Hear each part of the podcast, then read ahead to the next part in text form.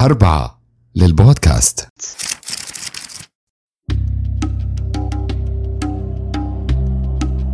نحن الآن بصدد أنه نتعرف على معركة حاسمة في التاريخ الإسلامي. لأنها تعتبر هذه المعركة من أهم المعارك اللي وقعت بين المسلمين وبين النصارى الصليبيين من عرب وعجم لأنها تعتبر أول صدام مسلح وأثرت على الدولة الرومانية ومستقبلها. لأنها كانت هذه المعركة مقدمة لفتح بلاد الشام وتحريرها من الروم. نتكلم اليوم عن معركة مؤتة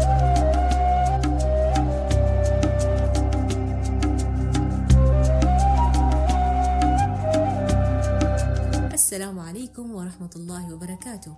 أهلا وسهلا بكم مستمعينا عشاق الحكاية التاريخية. معكم أنا عايشة آدم وهذا بودكاست تاريخ على الهامش إنتاج شبكة أربعة. صارت أحداث معركة مؤتة بوضع يقال له مؤتة على أطراف الشام في السنة الثامنة من الهجرة النبوية وكانت بين المسلمين والروم وهي من أعظم المعارك اللي خاضها المسلمون في حياة النبي صلى الله عليه وسلم وكانت المواجهة فيها بين ثلاثة آلاف من المسلمين مقابل مئتي ألف مقاتل من النصارى العرب والعجم وتردد البعض في كونها غزوة أم سرية إلا أن أكثر أهل المغازي والسير واللي تبعهم من المتحدثين أجزموا بأنها غزوة لأن الجيش اللي شارك فيها أكبر من عدد السرية أو لأن بعض الصحابة المشاركين فيها سموها بكذا. ونلاقي أن تسميتها بالوقعة أو جيش الأمراء يعتبر خروج من النزاع وحل وسط لأن تسميتها بالغزوة مخالف لأهل السير والمغازي لأن النبي صلى الله عليه وسلم ما حضرها والعدد لا يتفق مع عدد المتعارف عليه للسرية. ومؤتة اليوم بلدة أردنية معروفة تقع على بعد 12 ميل جنوب الكرك لما تصير من معان إلى عمان. كانت مؤتة على يسارك وبها قبور القادة الثلاث اللي استشهدوا بالمعركة زيد بن حارثة وجعفر بن أبي طالب وعبد الله بن رواحة رضي الله عنهم أجمعين. وما كانت هذه المعركة إلا استجابة لنداء الباري عز وجل لقتال أهل الكتاب وإخضاعهم لسلطة المسلمين إما بالدخول في الإسلام أو أداء الجزية على يدهم وهم صاغرون. قال تعالى بسم الله الرحمن الرحيم. قال تعالى قاتلوا الذين لا يؤمنون بالله ولا باليوم الآخر ولا يحرمون ما حرم الله ورسوله ولا يدينون دين الحق من الذين أوتوا الكتاب حتى يعطوا الجزية عن يد وهم صاغرون. اشتعل فتيل الصراع والقتال بين المسلمين والبيزنطيين بسبب عرب الشام. فقد دأبت قبيلة كلب من قطاعة على مضايقة المسلمين وحاولت أن هي تفرض عليهم نوع من الحصار الاقتصادي عن طريق إيذائهم للتجار اللي كانوا يحملون السلع الضرورية من الشام إلى المدينة لأنهم كانوا يقطعون الطريق على التجار المسلمين ويعتدون عليهم بالقتال. كل هذا صار في العام السادس من الهجرة وبعد صلح الحديبية بدأ هذا المسلك العدواني يأخذ منحنى أكثر خطورة وما حرك نفوس المسلمين بشدة مقتل الحارثة بن عمير الأزدي لمن أرسله الرسول صلى الله عليه وسلم إلى حاكم بصري التابع لحاكم الروم.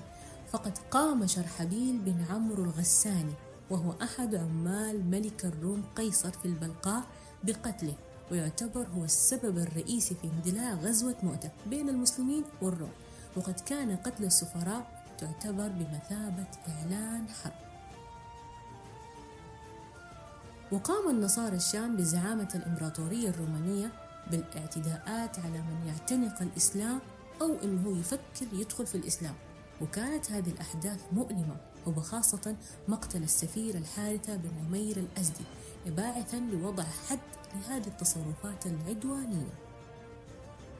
وبكذا تعتبر تأديب للمعتدين التابعين للدولة البيزنطية والذين داءبوا على استفزاز المسلمين وتحقيق هذا الهدف معناته فرض هيبة الدولة الإسلامية وسيادتها في تلك المناطق بحيث لا تتكرر مثل هذه الجرائم في المستقبل ويؤمن دعاة المسلمين والتجار على أنفسهم من كل أذى.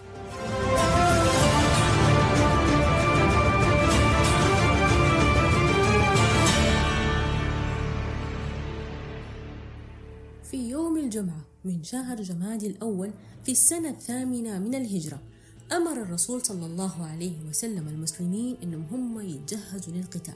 فعلا استجابوا لأمر الرسول صلى الله عليه وسلم وحشدوا الحشود وبلغ عدد مقاتلي المسلمين ثلاثة آلاف مقاتل.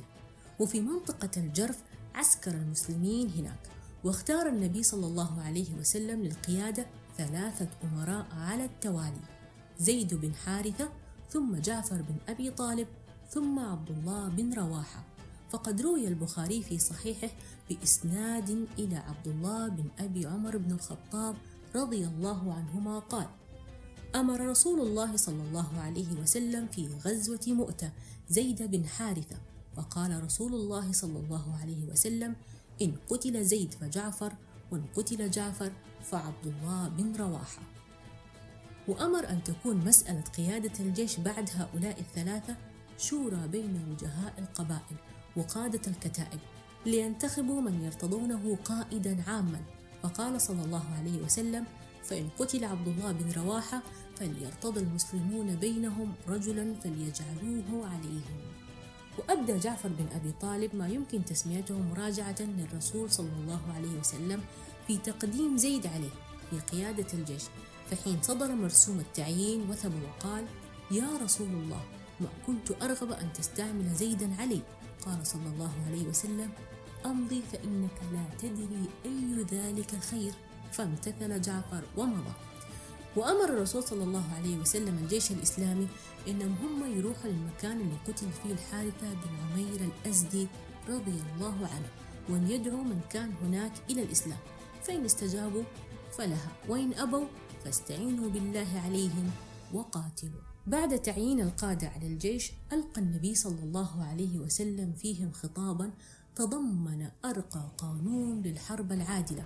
قانون عجزت حتى الآن كل النظم والتشريعات إن هي توصل لهذا الإنصاف في المعاملة الأعداء واجتناب الأعمال اللا إنسانية من التعرض للنساء والأطفال والعجزة ورجال الدين بأي نوع من أنواع الأذى. وقال النبي صلى الله عليه وسلم لجيشه وقادة جنوده في هذا الخطاب أوصيكم بتقوى الله وبمن معكم من المسلمين خيرا أغزوا بسم الله في سبيل الله فقاتلوا من كفر بالله لا تغلوا ولا تغدروا ولا تقتلوا وليدا. ثم وجه كلامه إلى القائد العام المسؤول الأول في الجيش قائلا وإذا لقيت عدوك من المشركين فدعهم إلى إحدى ثلاث. فأيتهن ما أجابوك إليها فاقبل منهم واكفف عنهم. أدعهم إلى الدخول إلى الإسلام فإن فعلوا فاقبل منهم واكفف عنهم. ثم أدعهم إلى التحول من دارهم إلى دار المهاجرين. فإن فعلوا فأخبرهم أن لهم ما للمهاجرين وعليهم ما على المهاجرين. وإن دخلوا في الإسلام واختاروا دارهم فأخبرهم أنهم يكونون كأعراب المسلمين. يجري عليهم حكم الله ولا يكن لهم في الفيء ولا في القسمة شيء إلا أن يجاهدوا مع المسلمين. فإن أبوا فاستعن بالله وقاتلهم وستجدون رجالا في الصوامع معتزلين للناس فلا تتعرضوا لهم. وستجدون آخرين للشيطان في رؤوسهم مفاحص. مفاحص هي موضع تبيض فيه القطاط والمقصود بها أن الشيطان قد استوطن رؤوسهم. فاقلعوها بالسيوف ولا تقتلن امرأة ولا صغيرا مرضعا ولا كبيرا فانيا لا تغرقن نخلا ولا تقطعن شجرا ولا تهتموا بيتا. كانت توصياته في الأدب الحربي دروس في الشرف العسكري وأساسا راسخا في المعاملة الإنسانية والرأفة بغير المحاربين من النساء والشيوخ والأطفال. وتربيات عالية شريفة ما سمعت فيها ولا دعت أمة إلى مثلها منذ فجر التاريخ حتى اليوم من غير سيد البشر محمد صلى الله عليه وسلم.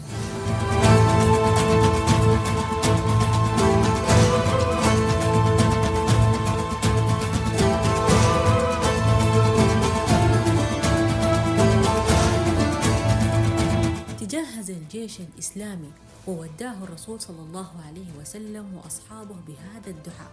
دفع الله عنكم وردكم صالحين غانمين. وصل الجيش الإسلامي إلى معان من أرض الشام. بلغ أن النصارى الصليبيين حشدوا حشود ضخمة لقتال المسلمين. حشدوا مئة ألف صليبي بقيادة مالك بن رافلة ومئة ألف صليبي من الروم بقيادة هرقل. لقوا المسلمين أنفسهم أمام جيش مكون من 200 ألف مقاتل. اترددوا في إخبار الرسول صلى الله عليه وسلم لعله يمدهم بالمدد أو يأمرهم بالقتال.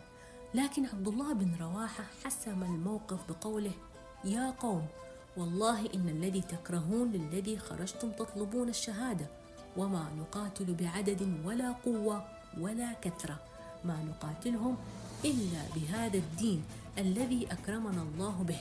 فانطلقوا فإنما هي إحدى الحسنيين إما ظهور وإما شهادة.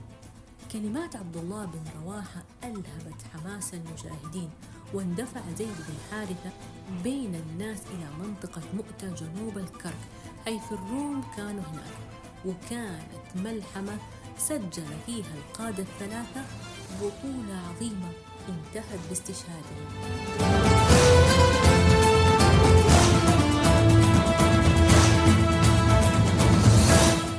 استبسل زيد بن حارثة وتوغل في صفوف الأعداء وهو حامل راية رسول الله صلى الله عليه وسلم حتى قتل برماح الروم بعدها أخذ الراية جعفر بن أبي طالب وانبرى يتصدى لجموع المشركين. أخذها بيمينه فقطعت فأخذها بشماله فقطعت فاحتضنها بعضديه حتى استشهد. ولقد أثخن بالجراح حتى بلغ عددها تسعين بين طعنة برمح أو ضربة بسيف أو رمية بسهم وكلها الجراح كانت في صدره. وبعد استشهاد جعفر استلم الراية عبد الله بن رواحة الأنصاري رضي الله عنه فقاتل العدو حتى استشهد وكان ذلك في آخر النهار. الرسول صلى الله عليه وسلم ما حضر هذه المعركة وكان الرسول صلى الله عليه وسلم يعتذر عن الخروج على رأس بعض السرايا والبعوث حتى ما تنشق على المسلمين. أخرج المسلم في صحيحه عن أبي هريرة رضي الله عنه تعالى قال سمعت رسول الله صلى الله عليه وسلم يقول لولا أن أشق على المؤمنين ما قعدت خلف سرية تغزو في سبيل الله ولكن لا أجد سعة فأحملهم ولا يجدون سعة فيتبعوني ولا تطيب أنفسهم أن يقعدوا بعدي. لما استشهد عبد الله بن رواحة آخر قادة المعركة سقطت الراية من يده. التقطها ثابت بن أقرم بن ثعلبة بن عدي بن العجلان البلو الأنصاري وقال يا معشر المسلمين اصطلحوا على رجل منكم. قالوا أنت. قال ما أنا بفاعل. فاصطلح الناس على خالد بن الوليد. ما كان رفض ثابت بن أقرم هروب أو خوف بل كان هو عارف أنه فيه هناك أكفأ منه في تولي قيادة الجيش. وكان خالد بن الوليد عند ظن أصحابه. ولمعت عبقريته القتالية في هذا الاختبار العصيب. وكان هدفه أن ينسحب بالمسلمين حيث كانت مهمته الأساسية أنه هو ينقذ جيش المسلمين من الهلاك الجماعي. فقدر الموقف بشكل صحيح واقتنع أن الانسحاب بأقل خسارة ممكنة هو الحل الأفضل. بعد اتفاق المسلمين على خالد بن الوليد رضي الله عنه أميرا عليهم حمل الراية وجاهد جهادا عظيما. وهذا أول مواقفه في الجهاد في سبيل الله. فقاتل كما لم يقاتل من قبل. حتى قال كما في صحيح البخاري لقد انقطعت في يدي يوم مؤتة تسعة أسياف فما بقي في يدي إلا صفيحة يمانية. كان يقاتل في المعركة ضارية ولكن ثبت ثبات عجيب وثبت المسلمون بثباته رضي الله عنه واستمر القتال ليوم كامل. حتى جاء المساء بثلاثة آلاف مقابل مئتي ألف مقاتل. ما كان من عادة الجيوش إن هي تقاتل في الليل ولكن جيش المسلمين لم يركن للراحة أبدا. وبدأ خالد بن الوليد في تنفيذ خطة عبقرية لوصول بجيش المسلمين إلى بر الأمان وينقذهم من الهلاك.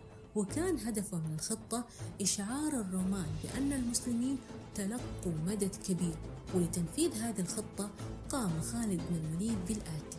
أولا خلى الخيل تركض طوال الليل في أرض المعركة عشان تثير الغبار الكثيف فيخيل للروم أن هناك مدد جاء لجيش المسلمين. ثانيا غير من ترتيب الجيش فخلى الميمنة ميسرة والميسرة ميمنة. وخلى مقدمة الجيش في آخر الجيش واللي في آخر الجيش خلاهم في المقدمة.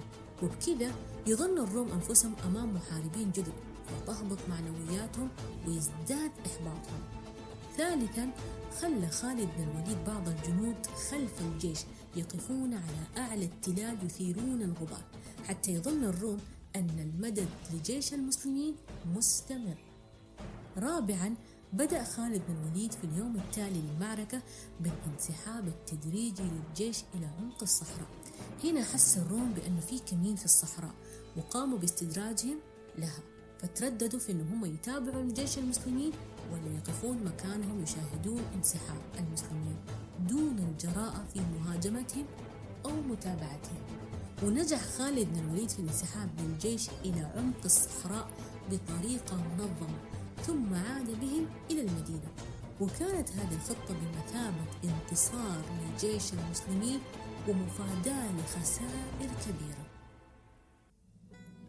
استمرت المعركة على ما ذكره ابن برهان في السيرة الحلبية ستة أيام. أبدى فيها المسلمون ضروب الشجاعة والتضحية والثبات والفداء ما لا مزيد عليه.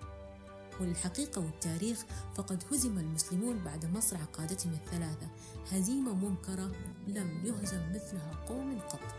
غير أن خالد بن الوليد بتوليه لقيادة الجيش بعد الهزيمة أعاد للجيش الإسلامي تنظيمه ثم أنزل بالروم هزيمة منكرة لم يهزموا مثلها. أنقذ الجيش الإسلامي الصغير. وانتهت المعركة بنجاح خطة خالد بن الوليد.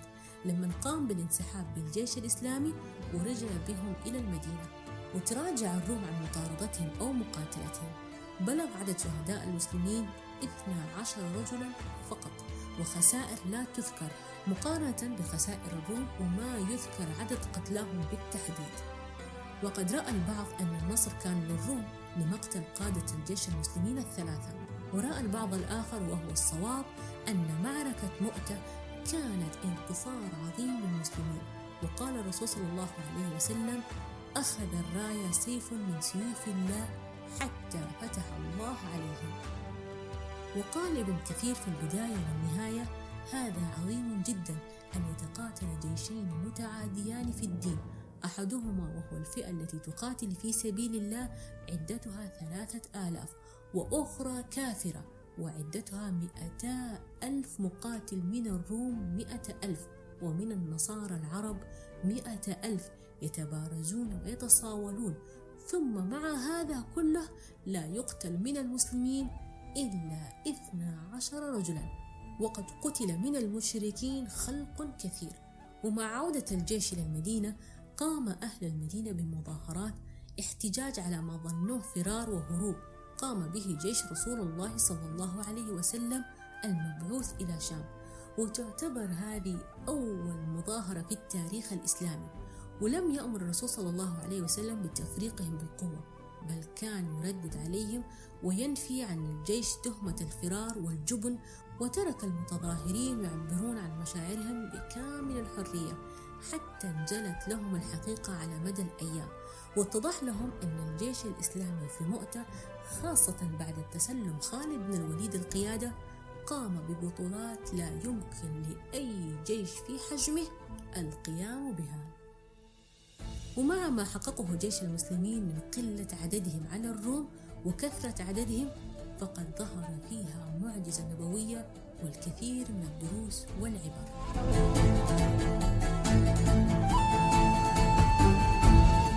عرف عن النبي صلى الله عليه وسلم اطلاعه على بعض الغيبيات وهي بوحي من الله. ومع ذلك إخباره صلى الله عليه وسلم وهو في المدينة المنورة فوق منبره بما يدور في ساحة المعركة واستشهاد القادة الثلاثة وقام بنعيهم للمسلمين.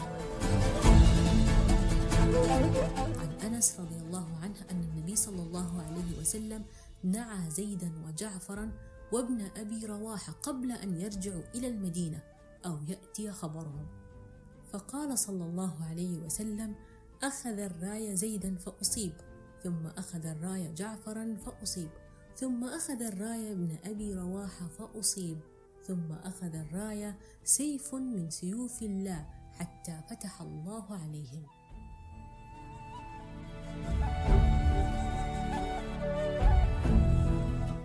العقيدة الإسلامية الصحيحة في النفس تعطي نتائج إيجابية رائعة إلى درجة ممكن تتقرب إلى المعجزة وأنها بالرغم من الاهتمام بالإعداد المادي من خيل ورجال وسلاح لخوض المعارك فأثبت أبطال مؤتة أن القوة المادية ليست كل شيء للنصر أو الصمود والثبات إنما العقيدة السليمة وتغلغلها في قلب الإنسان المسلم. التوصيات اللي تزود بها الجيش من رسول الله صلى الله عليه وسلم القائد الأعلى للقوات الإسلامية تعتبر من أعظم وأرقى قوانين حرب الفروسية المشرفة على مدى التاريخ الإنساني. جواز بكاء المرأة على زوجها المتوفي وأخذ هذا من فعل أسماء بنت عميس رضي الله عنها لما نعى الرسول صلى الله عليه وسلم زوجها جعفر بن أبي طالب ومن كانوا معه. استحباب صنع الطعام لأهل الميت. فقه القيادة لما ترك ثابت بن أقرم قيادة الجيش لمن هو أكفأ منه لهذا العمل. درس نبوي في احترام القادة فالأمة التي لا تقدر رجالها ولا تحترمهم لا يمكن أن يقوم فيها نظام إن التربية النبوية استطاعت بناء هذه الأمة بناء سليما. وبكذا مستمعينا الأعزاء وصلنا لنهاية رحلتنا التاريخية العظيمة اللي كانت بمثابة الانتصار الأعظم في التاريخ الإسلامي.